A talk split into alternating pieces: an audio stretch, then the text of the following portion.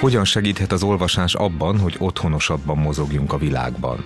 Ez a Könyv Támasz, a Libri magazin podcast csatornáján. Minden, ami a hagyományos könyvbemutatókból és szerzőinterjúkból kimarad. A könyvek mögött meghúzódó történetek, és azok, akiknek volt bátorsága elmesélni őket. Mai vendégünk Fábián Janka, aki 2009 óta folyamatosan ír romantikus regényeket. Ezek mindegyike a múltat tölti meg élő, lélegző szereplőkkel. Olyan korszakokat mutat be, amelyeket a legtöbben csak a történelemkönyvek lapjairól ismerünk. A szerzővel legújabb regénye az Anna Bál szerelmesei kapcsán beszélgetünk. Fábián Jankát köszöntöm a stúdióban, szervusz! Szervusz, és én is szeretettel köszöntök mindenkit. Kicsit néha meg kell védeni a romantikát. Mi lehet ennek az oka? Hát az ember lelkének kell a romantika, ha bevallja, ha nem. Én bevallom az én lelkemnek, jól esik, én, én szeretek ilyeneket írni, szeretek ilyeneket olvasni. Nyilván, ha már elmegy egy nagyon cukormázas, meg szirupos, meg rózsaszín irányba az már nem, mert ugyanúgy, mint a nagyon édes cukormáza, az akkor már megfekszi az ember gyomrát, de, de ugyanúgy, mint ahogy szeretjük a tortát, meg az édességet, ugyanúgy szerintem a romantikára is szükségünk van. És hát a romantikának is van egy sötét oldala, tehát amikor ez, ez a 19. században ez, ez egy fő irányzat volt a művészetekben, ennek volt egy nagyon sötét és komor oldala. Hát például a Grimm meséknek is ugye már mi a lebutított változatát ismerjük, de hát ezeknek volt egy horrorisztikus része is, tehát ami már nyilván nem gyerekeknek íródott, úgyhogy én szerintem ezt, ezt nyugodtan vállaljuk fel, hogy mi, mi romantikus lelkek vagyunk. És jól kell adagolni azt a romantikát, hogy igazán jó lessen, vagy ne csapja el az ember gyomrát. Igen, ez, ez biztos, hogy ez így van. És van egy másik címke is, ami, amit hát egy kicsit pejoratívan szokták emlegetni, hogy szórakoztat, a szórakoztató regényeket írok. És én erre is azt szoktam mondani, hogy igen, és hát szórakoztatni az egy szép feladat, és hogyha az olvasó a könyvem olvasása közben szórakozik, hát ez volt a cél időutazásra hívod az olvasókat újra, mégpedig az 1820-as évekbe. 1820-as, 30-as pontosabban, ugyanis hát ez a, a reformkor első két évtizede nagyjából, amikor ez a regény játszódik, illetve még pontosabban 1816-tól 1836-ig tart, tehát egy 20 évet ölel fel milyen korban élnél igazán szívesen? Erről nekem nagyon markáns véleményem van. Először is nem lehetséges az időutazás, én ebben nem hiszek, és hála Istennek nem lehetséges. Én, én nem utaznék sehová vissza a múltba. Ezt mindig furcsálni szokták, pontosan azért, mert hogy én a történelmi regényeket írok, meg hát tényleg nagyon szeretek a múltban vájkálni, de, de nem utaznék vissza semmi pénzért nem. Hát ezt most nem menjünk bele, nagyon sok oka van ennek, hogy miért nem. De csak elmondok egy sztorit, amire most nyáron csodálkoztam rá, vagy így jöttem rá, hogy ugye most a Covid miatt mindent elhalasztottak. Így többek között az olimpiát is, és hát ahogy néztem a tévében, ugye ki volt írva, hogy Tokió 2020, és ez már idén volt 21-ben, tehát igazából egy ilyen kisebb időviharba kerültünk, hogyha, hogyha jobban belegondolunk, és én belegondoltam, hogy hát a fenébe is én nem mennék vissza semmi pénzért 2020-ba, és hát most őszintén kimenne vissza, tehát én, és az csak egy év, ugye? Tehát, és 2019-ben sem mennék vissza, mert utána következett 2020. De hogyha megnézzük, akkor például azt szokták mondani, hogy a századforduló az, az tényleg egy aranykor volt, mert tehát a múlt század fordulója, az egy aranykor volt, és hogy akkor tényleg jó volt élni, és ez tényleg így van, de hát ha belegondolunk, utána mi következett, és utána következett az első világháború, tanácsköztársaság, stb. stb. Tehát aki a jó eséllyel, aki a századforduló a csodálatos éveit végigélte, az ezeket is utána. Tehát én úgy vagyok vele, hogy nem véletlenül élünk akkor és ott, ahol, ahová születtünk. Itt és most van dolgunk, és maradjunk itt, és örüljünk neki, hogy, hogy most élünk. Vannak előnyei is, hátrányai is ennek a kornak, mint minden más kornak, de szerintem hozzuk ki ebből a maximumot, ahol most vagyunk. amikor egy történelmi romantikus regény készül, azért mégiscsak egy másik korban élsz valamennyire, míg ha ez az alkotó folyamat alatt történik is. Hogyan gyűjtöd össze az anyagot? Például az Annabál szerelmeseinek az anyag az hogyan gyűlt össze? Az majdnem mindig úgy van, hogy az Árkánum adattárból, tehát az, az számomra egy kincses bánya. Ehhez bárki hozzáférhet? Bárki hozzáférhet, fizetős szolgáltatás, de igazából nem titkosított, tehát aki hajlandó kifizetni a, az éves vagy a fél éves díjat, az, az, az bármelyik dokumentumhoz hozzáférhet, és tényleg egy kincses bánya, tehát én, én, én mindenkinek ajánlom, aki, aki szereti ilyen régi, akár újságokat, akár egyéb dokumentumokat böngészni, hát nekem tényleg egy kifogyhatatlan forrás. Meddig lehet visszamenni időben? Hát egészen amióta megjelennek például Magyarországon újságok, tehát 18. század elejétől, és tényleg nagyon-nagyon izgalmas. Tehát az egyik az, az ez az árkánum, ami, amiből kutatok, és hát mondom, attól is függ, hogy milyen korban járunk. Például, hogyha a 20. századról van szó, akkor nyilván egy csomó vizuális forrás is rendelkezésre áll, meg hát amúgy is források tönkelege. Na most, ahogy megyünk vissza az időben, hát ennek azért megváltozik a jellege, meg a mennyisége is.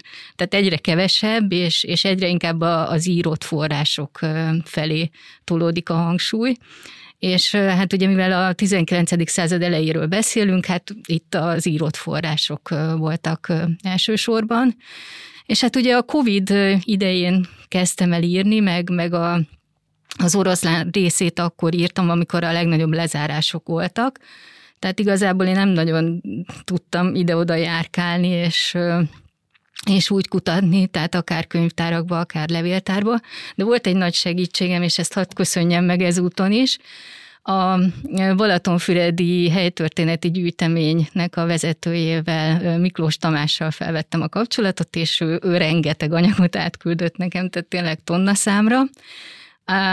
Úgyhogy, úgyhogy volt miből dolgoznom, hála jó Istennek.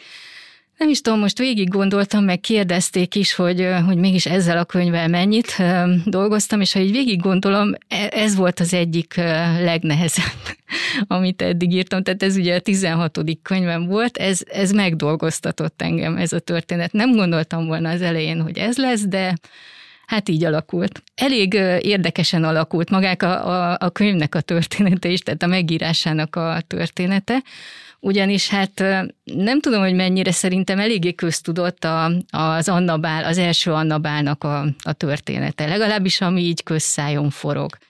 De azt lehet róla tudni, hogy 1825-ben volt, és hogy a, a horvát, a Balatonfüredi horvát családnak az eladósorba került lánya tiszteletére rendezték, aki hát ugye Köztudott, hogy Annának hívták, mert hát mi másnak hívnák, hiszen hát Anna báról beszélünk, és még az is nagyon érdekes, hogy ott ismerkedett meg a jövendőbeliével, aki viszont nem más volt, mint Kis Ernő, a későbbi aradi vértanú. Hát ő ugye akkor még nagyon fiatal huszár hadnagy volt, és hát ez, ez maga az alapszituáció, ez annyira szép és annyira romantikus, hogy hát én ezt már évek óta terveztem, hogy én ezt szeretném megírni, mert ez egyszerűen kiállt azután, hogy, hogy egy regény szülessen belőle.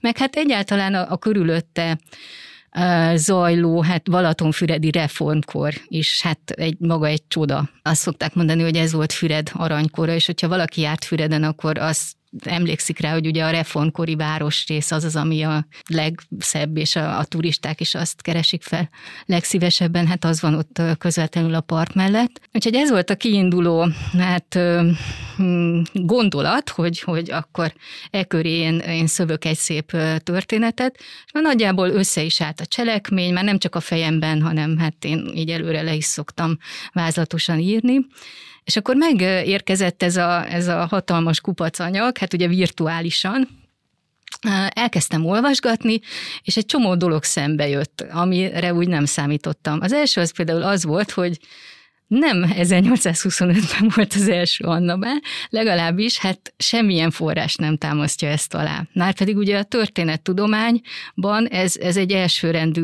szabály, hogyha valamiről nincs forrás, akkor az azzal nem tudnak mit kezdeni, tehát ez nem egy történelmi kategória. Nem mondjuk azt, hogy az akkor meg sem történt, mert hát azt nem tudhatjuk, de mivel nincs róla forrás, hát nem, tehát a történettudománynak innentől kezdve nem része. Legendának lehet a része, de az, az egy másik kategória. Úgyhogy hát nem tudjuk, nem tudjuk, hogy akkor volt-e bál.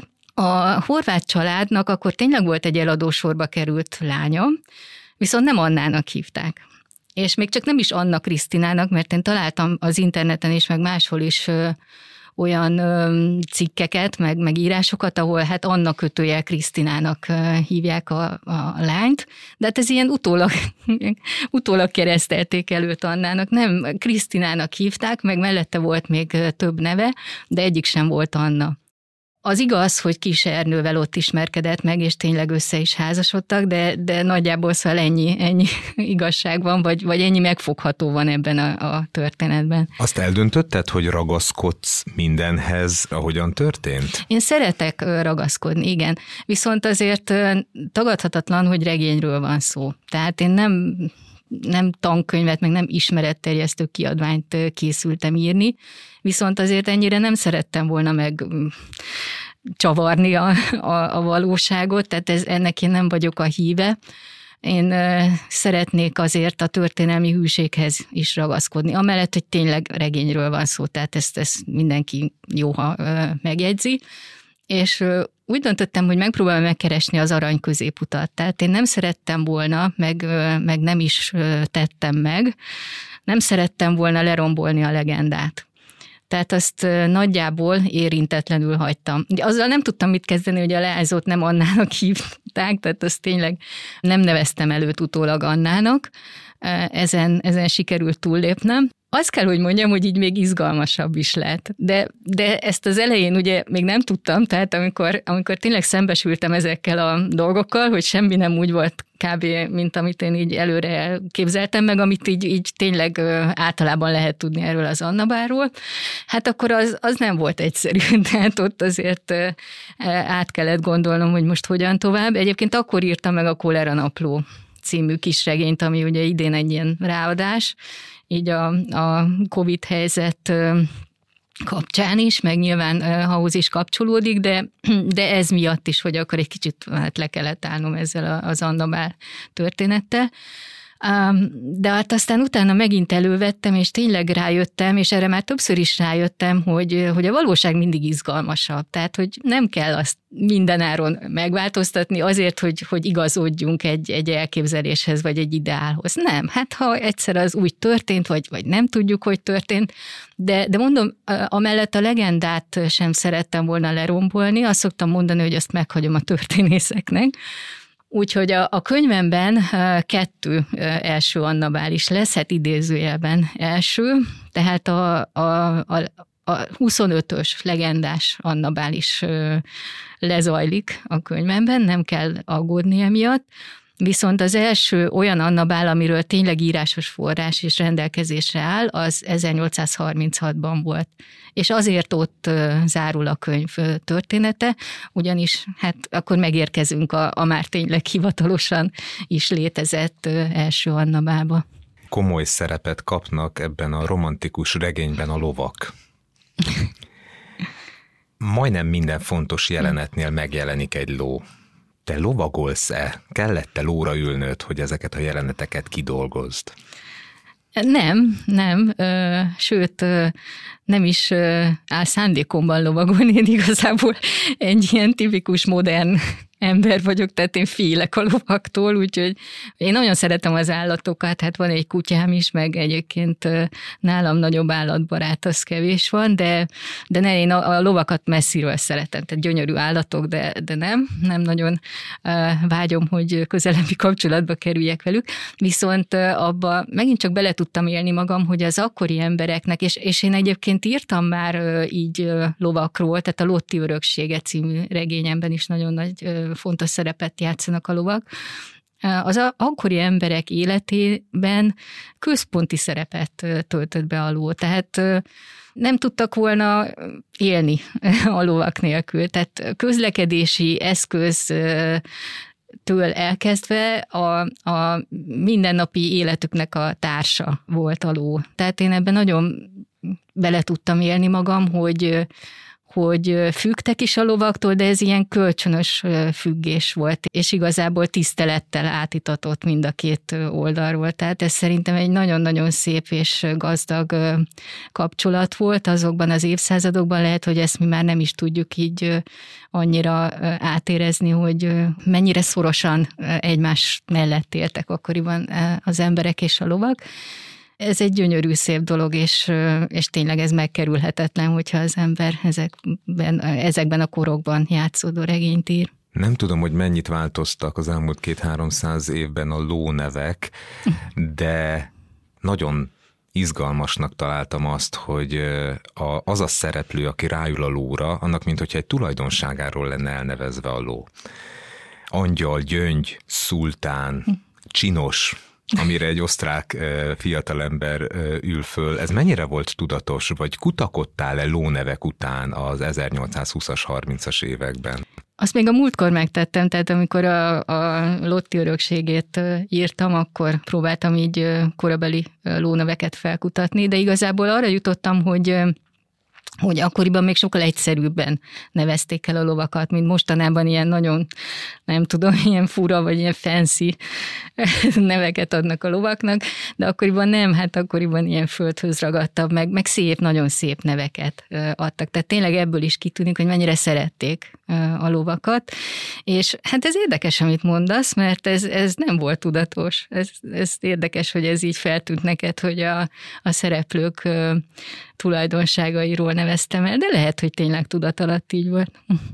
Az is nagyon izgalmas ebben a történetben, hogy olyan szereplőkkel találkozunk, akiket ismerünk, vagy szeretünk, vagy a történelemben nagyon fontos szerepet játszottak vagy az irodalomban is fontos szerepet játszottak. Nálam úgy szokott lenni egyébként a többi regényemre is jellemző, hogy, hogy ezek a valóban létezett történelmi alakok, ezek többé-kevésbé, de, de inkább mellékszereplők nálam.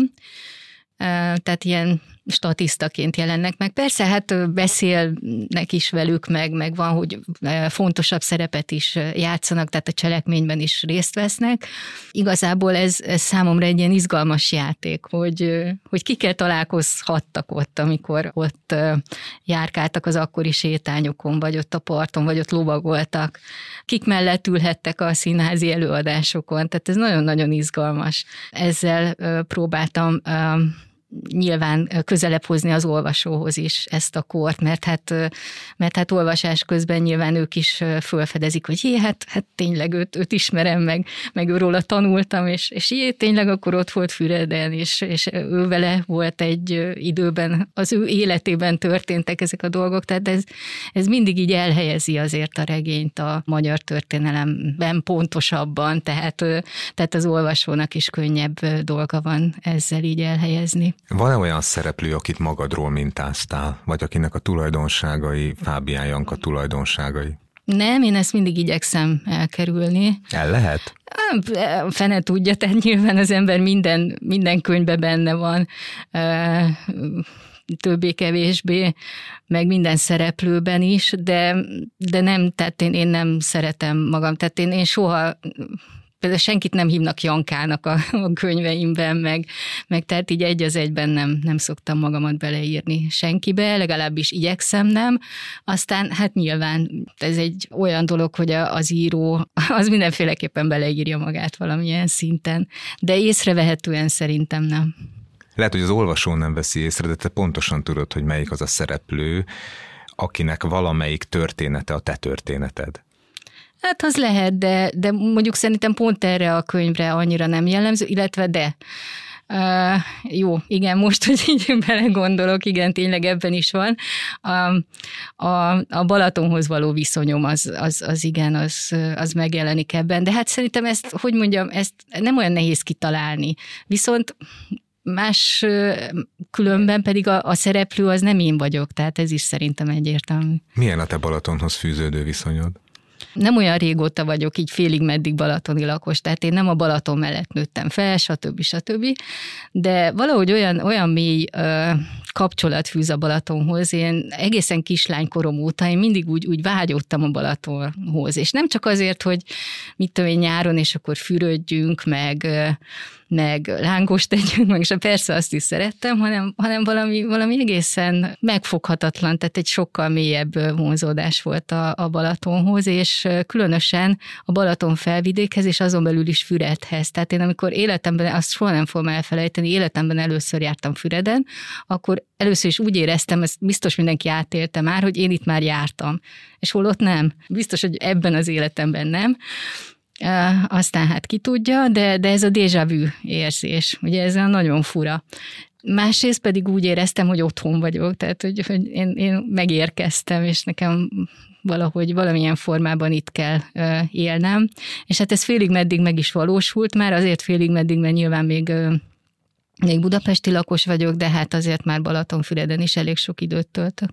Volt már olyan regényem, amiben nagyon ö, fontos szerepet játszott a Balaton, nem is egy. Hát a legelső az Emma trilógiában is egy, ö, egy kitalált balatoni kisvárosban játszódik. Egyébként az, az nagyon érdekes, mert, mert sokan keresik azt a kisvárost. Tehát ez egy nem létező, én találtam ki. Mint Makondo már kezdnél? hát igen, nyilván nem ö, szeretném magamat Márkezhez hasonlítani semmilyen szinten, de igen, volt olyan ö, olvasóm is, aki, aki oda szeretett volna menni nyaralni, és hát ugye nem sikerült neki. Igen, ezért jutott eszembe Márkez, mert hogy Makondót is mutogatják, élelmes ö, Igen, de, de, de, talán, igen, de talán azt fel is építették, vagy legalábbis igen, el van, lehet van valami. Igen, tehát most már ez fizikailag létezik, de, de Balaton körtvélyes esetében ez, ez nem, nem így van, legalábbis egyelőre. Aztán hát például a Rózsalugas című regényemben is egy, a Balaton partján játszódik legalábbis részben. Aztán hát tervezek egy folytatást is ennek az Anna Bász szerelmeseinek, ezt eleve úgy terveztem, tehát ez nem közben dőlt el, hogy lesz egy folytatás, hanem eleve minimum két kötetesre terveztem. Úgyhogy igen, tehát visszatérünk a, a jövő év végén, remélem, hogy sikerül addigra összehozni, visszatérünk Balatonfüredre. Tovább folytatódik a reformkor, ha minden igaz, akkor egészen a 48-49-es szabadságharcig. Az olvasás terápia, az olvasók, pláne azok az olvasók, akik romantikus történelmi regényeket vesznek a kezükbe, lehet, hogy valamilyen szerelmi csalódásukat, történetüket, azokra való gyógyírt keresnek egy ilyen regényben, de az írás is valamilyen módon terápia. Éreztél-e valaha ilyet, miközben ezeket a romantikus regényeket írtad, vagy az Andabál szerelmesei című regény készült? Hát mondom, az Anna Bál szerelmeseivel azért én megszenvedtem, tehát ez most azért egy nehezebb feladat. Nagyon élveztem írni, tehát én ezt most nem panaszkodásképpen mondom, meg amikor már tényleg túllendültem ezeken a kezdeti akadályokon, én ezt nagyon-nagyon szerettem írni. Viszont azért kellett leállnom bele egy, egy ilyen jó másfél-két hónapra, mert akkor mással kellett foglalkoznom, és igazából az, az volt számomra a terápia, a, a járványtól elkezdve ezt az egész írói válságot, tehát nevezzük annak, írtam ki magamból ezzel a, a Kolera Napló című kis regényel. Azért is írtam egyébként ezt napló formában, tehát ez sokkal személyesebb és szubjektívebb lett. Tehát, hogy jól értsük, miközben készült az Annabász szerelmesei, közben volt egy alkotói válság, és ez alatt az idő alatt született egy kis regény. Hát igen, ugye egy író, hogy kerül ki az írói válságban, jó esetben írásra az Anna Bál uh, szerelmeseihez kutattam, és úgy találtam rá a témára, tehát a kolera járványra. Ez a regényben is benne van, nyilván csak érintőlegesen, de hát abban a korban, ugye 1831-ben um, zajlott ez a, a kolera járvány is. De hát mivel én erre rátaláltam, és annyira szíven ütött ez a, ez a rengeteg hasonlóság a, a mostani helyzetünk, a Covid járvány és a 190 évvel ezelőtti kolera pandémia, ugye az is világjárvány volt, között, hogy, hogy úgy éreztem, hogy ezt most nekem muszáj megírni, és hát akkor muszáj megírni, tehát akkor nincs mese, akkor mondom, úgyis úgy voltam az Anna Bállal, hogy az olyan döcögősen haladt, meg nem igazán tudtam akkor tovább lépni benne. Volt már ilyen egyébként, tehát minden írónak ismerős ez az érzés szerintem, hogy, hogy egyszerűen nem megy a dolog, de hát mondom, ez miatt is, hogy, hogy az én alapkoncepcióm az felborult a, a történelmi, legújabb történelmi kutatások fényében. Tehát tényleg ezt végig kellett az egészet előről újra gondolnom, hogy most akkor hogyan tovább, és egész egyszerűen nem volt hozzá kedvem. És lehet, hogy furán hangzik, de sokkal több kedvem volt a kolera járványról írni. Meg is született a regény. Meg hát mondjuk az egy kis regény, tehát de, de nyilván annyi időt nem akartam elvenni a, a az Anna Bár regénytől sem, meg, meg hát ezt eleve kis regénynek szántam, tehát magában a témában sincs ennél sokkal több szerintem. De az akkor jól esett. Hány órát írsz egy nap akkor, amikor az alkotói folyamatban vagy benne nyakig? Mm, az, hogy mennyit írok, az, az változó. Nem is az írással megy el a legtöbb idő, hanem a többi feladattal, tehát a kutatással, jegyzeteléssel, azzal, hogy összerakjam, meg, meg elolvassam, amit addig írtam, vagy előző nap írtam. Maga az írás, hát az ilyen kettő, kettő és fél-három óra. Van a regényben egy családon belüli erőszakszál, mm. ami azért volt érdekes vagy izgalmas, mert a most megjelenő kortás regények intenzíven foglalkoznak ezzel a témával egy romantikus történelmi regényben családon belüli erőszakról olvasni nem feltétlenül megszokott. Szerintem a kortárs történelmi romantikus regényekben ez igenis előfordul, tehát itt azért már nem annyira vannak tabuk, hát nyilván mit tudom én, ha száz évvel ezelőtt íródott volna, vagy Gárdonyi regényeiben nem annyira jön ez elő, de manapság már azért nem riadunk vissza ezektől a témáktól, tehát akár a családon belüli erőszak, akár nem tudom én, azonos neműek szerelme, akár nem, tehát amit száz évvel ezelőtt még nem biztos, hogy, hogy tudtak volna ábrázolni, vagy nem is ment volna át az olvasók felé, hát mi azért már, hogy mondjam, ezt megtehetjük, meg meg is tesszük. Azért érdekes a kontraszt egyébként, mert hogy ahogyan egy ebben a korszakban élő úriember viselkedik a kisasszonyjal, utána elég éles a váltás, ahogyan viselkedik utána vele újra ugyanaz a fiatalember abban a korban. Igyekeztem őt úgy ábrázolni, hogy azért lehet érezni, hogy vele valami nem stimmel. Tehát, tehát hogyha a főszereplőmet Ilkát nem bakította volna el a szerelem, tehát annál a, a, a fiúnál szerintem már előre lehet tudni, hogy, hogy valami Képzeld, nem, engem meglepett. nem egészen. Engem meglepett, hogy erre is képes. Hát jó, igen, tehát azért az akkori, tehát a társadalmi elvárások meg a konvenciók, azoknak meg kellett felelni, és tényleg ha belegondolunk, egy bálban is hogy viselkedtek, tehát azért egészen más elvárások voltak, de, de tényleg őnál egy picit próbáltam éreztetni, hogy ott azért a hamu alatt ott, ott valami, valami parázslik, tehát hogy, hogy ne legyen tényleg ennyire éles a váltás, de, de nyilván egy házasságon belül már egészen másképp álltak egymáshoz és viselkedtek egymással. Nincs ez másképp most sem, csak most nem annyira, hogy mondjam, tehát nem annyira tényleg nagy az ellentét a, a, a között, hogy nyilvánosan ö, hogyan viselkedünk, és a négy fal között talán. Olyan, mintha egy kosztümös filmet nézne az ember, miközben a regényedet olvassa, a ruhák, a kiegészítők részletgazdagon vannak az olvasó elé tárva. Ehhez hogyan kutattál? Múzeumba mentél, fotókat nézegettél? Hogyan lehetett ebben a világban elmerülni, hogy ezeket hitelesen tud visszaadni? Igen, hát így korabeli képeket kell nézegetni, nyilván akkor még fotózás nem volt, de, de hát például voltak divatlapok, és, és ezeket is meg lehet találni a, az interneten tehát eléggé gazdag forrásanyag áll ebből a szempontból rendelkezésünkre. Egyébként a divatlapokról írtam is, tehát itt ugyanúgy, mint akár manapság, tehát a lányok így egymásnak adogatták a, a különböző kiadványokat. Nyilván a kezemben nem volt ilyesmi, de, de ugyanúgy, mint bármi mást is az interneten meg lehet találni, tehát ezeket a képeket is a korabeli ruháknak a, a képei, tehát rajzok, akkoriban még nem fotókkal ábrázolták, hanem rajzokkal, de, de egészen részletgazdagon ott van, hogy, hogy hol volt a fodor, hol volt a masni, milyen, hol volt a fűző éppen, és én például erre nagyon kényes vagyok, ezt már nagyon régóta kutatom, és a divattörténetet is, mert hát nyilván ez, ez szükséges ahhoz, hogy, hogy hitelesen vagy hihetően tudjam ábrázolni a, az, hogy hogyan néztek ki az adott korban az emberek.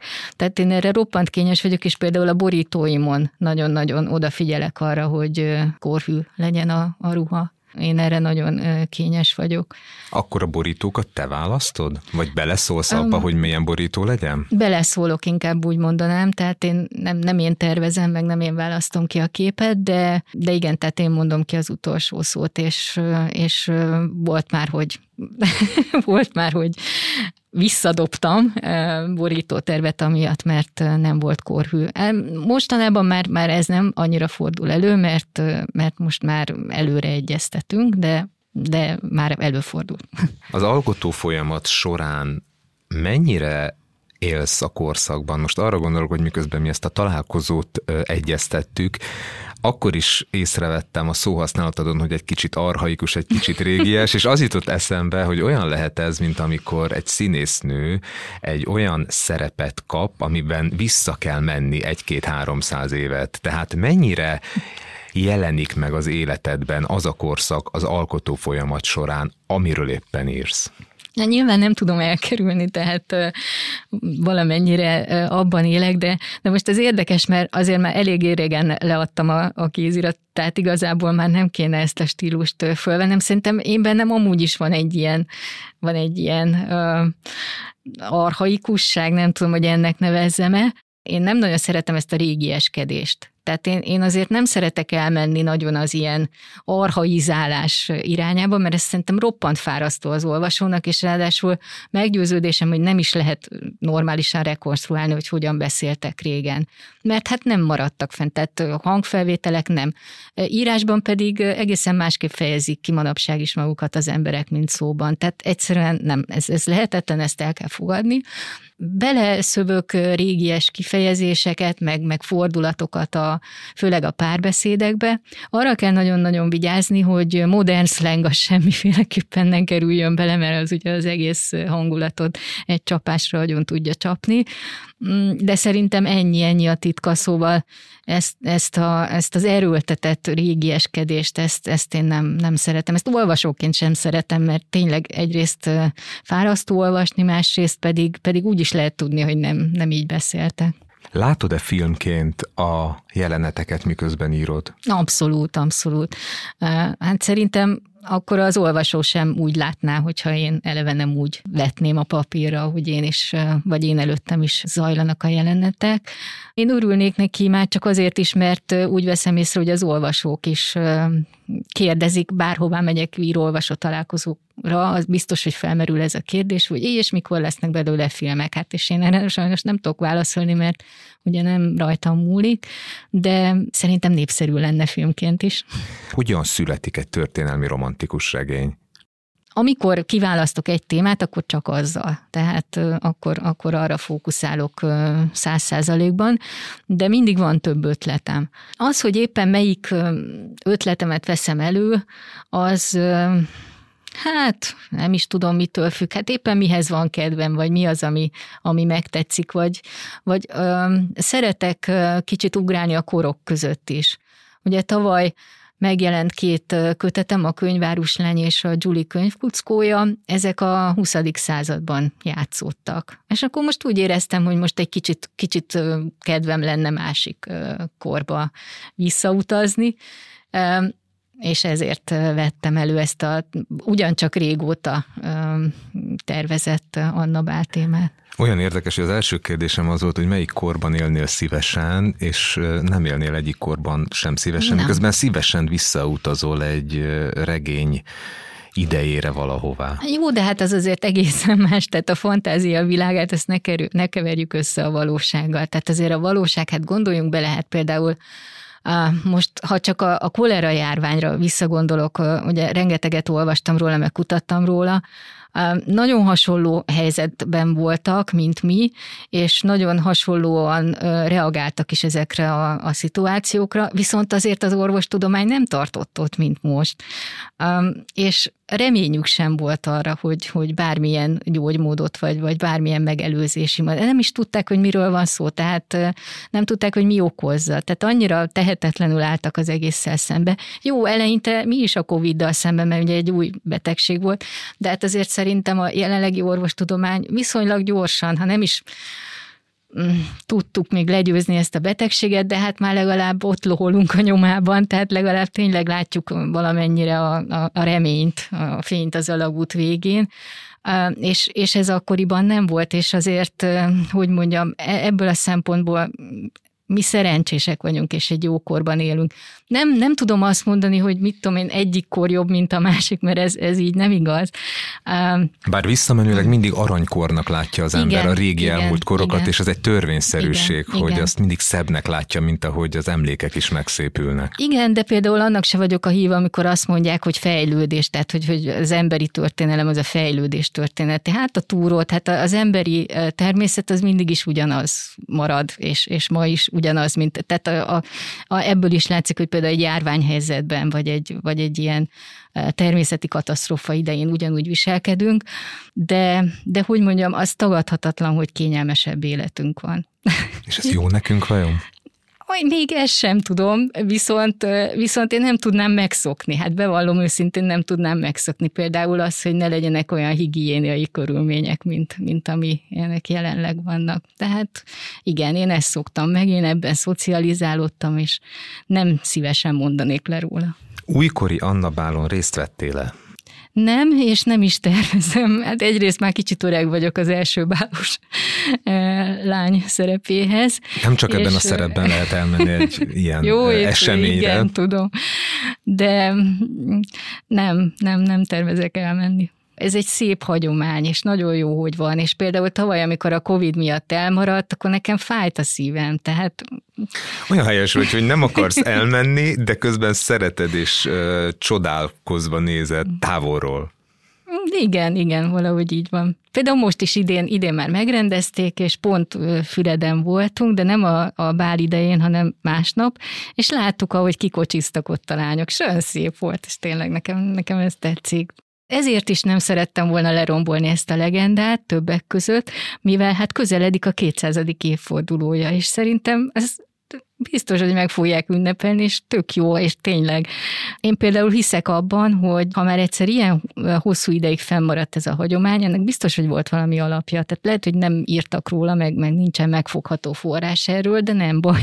Tehát én, én tényleg hiszek benne, hogy ez megtörtént.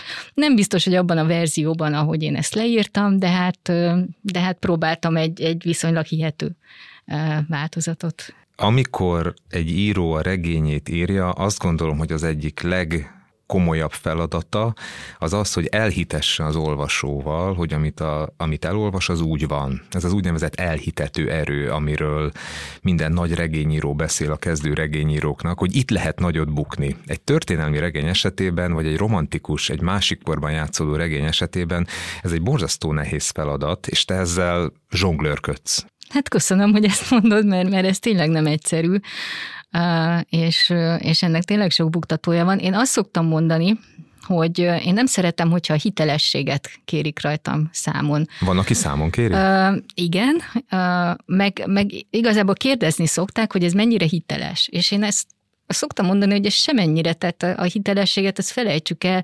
Egyáltalán a történelem tudomány, mint olyan, ez nem egy exakt tudomány tehát kerülnek elő források, ugye, tehát nem, nem kell mondanom, de minden rendszerváltásnál átírják a történelmet, úgyhogy maradjunk ennyiben, tehát a hitelességet azt hagyjuk. Pontosan az arra törekszem, amit mondtál, hogy hihető legyen. Tehát, hogy, hogy az olvasó, amikor amikor elkezdi a történetet, meg amikor minden alkalommal felveszi a könyvet, akkor tényleg elhiggye, hogy ő most 1800, nem tudom, 26-ban jár, és, és ott vagyunk Füred utcáin, és, és tudja, hogy valószínűleg nem így történt, mert hát ez egy regény, de hogy akár így is történhetett volna. És ez nagyon fontos. Előfordult-e veled az, hogy az írás vagy az olvasás segített abban, hogy valamelyik gubancodat ki tud bontani?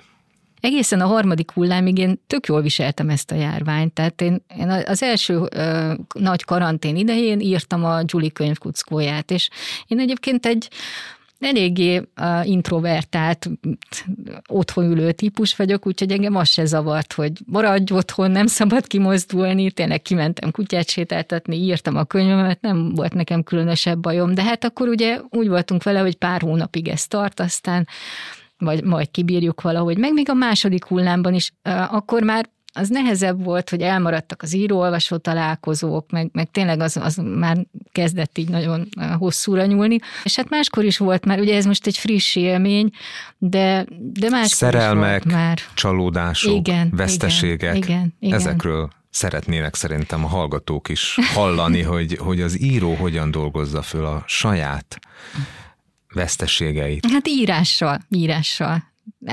Az az érdekes, hogy én mielőtt író voltam, én azelőtt is írással dolgoztam föl. Tehát én például kamaszkoromban naplót írtam.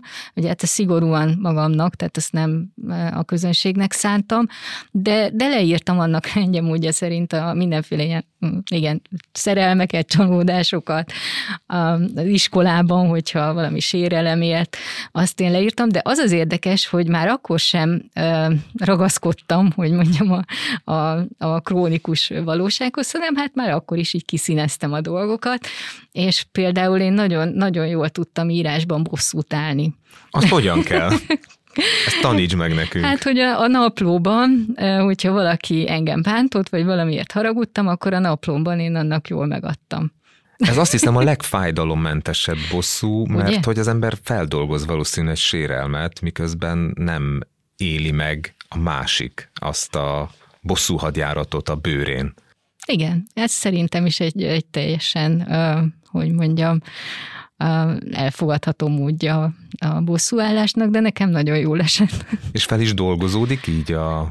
Hát volt, akinek többször is neki mentem, többkörös dolgok is voltak, de igen, tehát segített, nyilván segített, meg, meg hát a boldogságot is segített feldolgozni, azt is fel kell dolgozni, nem csak a negatív dolgokat azok az emberek, akik romantikus regényeket olvasnak, azt gondolom, hogy a szerelmi szálat tartják az egyik legfontosabbnak, és ebben a történetben az Annabál szerelmeseiben több szerelem szövődik. Ugye azt talán elárulhatjuk, hogy a főszereplő lánynak van több több felé is vannak érdekeltségei, és hát ő, mint, mint sok más fiatal lány is, hát nehezen dönti el, hogy ki az igazi. Ugye? Tehát ez ezt én is átéltem annak idején, hogy, hogy ki lehet az igazi és ki nem. És az is lehet, hogy rosszul választ valaki. Ugye hát ez is előfordulhat. Vagy a, őt választják. Vagy őt választják, igen, de ő meg azt hiszi, hogy ő választ. Há, igen, tehát ezek érdekes dolgok és, és lehet, hogy még úgy is rosszul választ, hogy a szíve mélyén tudja, hogy, hogy nem, nem őt kéne választani, és mégis. Tehát ez, ez engem mindig is foglalkoztatott, és hát nyilván az is a szándékomban állt, hogy, hogy tényleg izgalmas, meg, meg szórakoztató legyen, tehát hogy ne, ne legyen rögtön egyértelmű, hogy, hogy mi lesz a, a végkifejlet, és hát remélem, hogy nem az. Kamaszoktól egészen a, a nem tudom, idősekig szokták olvasni a könyveimet, hála jó Istennek. Főleg nők, ezt meg kell mondanom, de de hát egyrészt ez nem baj, mert mert miért? Tehát miért ne? Másrészt pedig hát ez statisztikai tény, hogy a nők olvasnak eleve többet, tehát engem is főleg nők olvasnak, de azért arra büszke vagyok, hogy és pont a történelmi háttér miatt szerintem engem viszonylag sok férfi olvasóm is van, és kapok is tőlük visszajelzést. Általában úgy szokott lenni, hogy így körbejár a családban, és akkor előbb-utóbb elér a, a család férfi tagjaihoz is. És milyen visszajelzéseket írtak a férfiak? Hát, hogy tetszett, tehát, hogy, hogy ha már veszi a fáradtságot, hogy visszajelzést ír, akkor általában pozitív. Úgyhogy ez, ennek nagyon örülök, és hát büszke is vagyok rá. Ez volt a könyv Támasz, a Libri magazin podcast csatornáján Szűcs Péterrel. A műsor mai vendége Fábián Janka volt, az Anna Bál szerelmesei című történelmi regény szerzője. Tartsanak velünk legközelebb is, hamarosan új adással várjuk Önöket.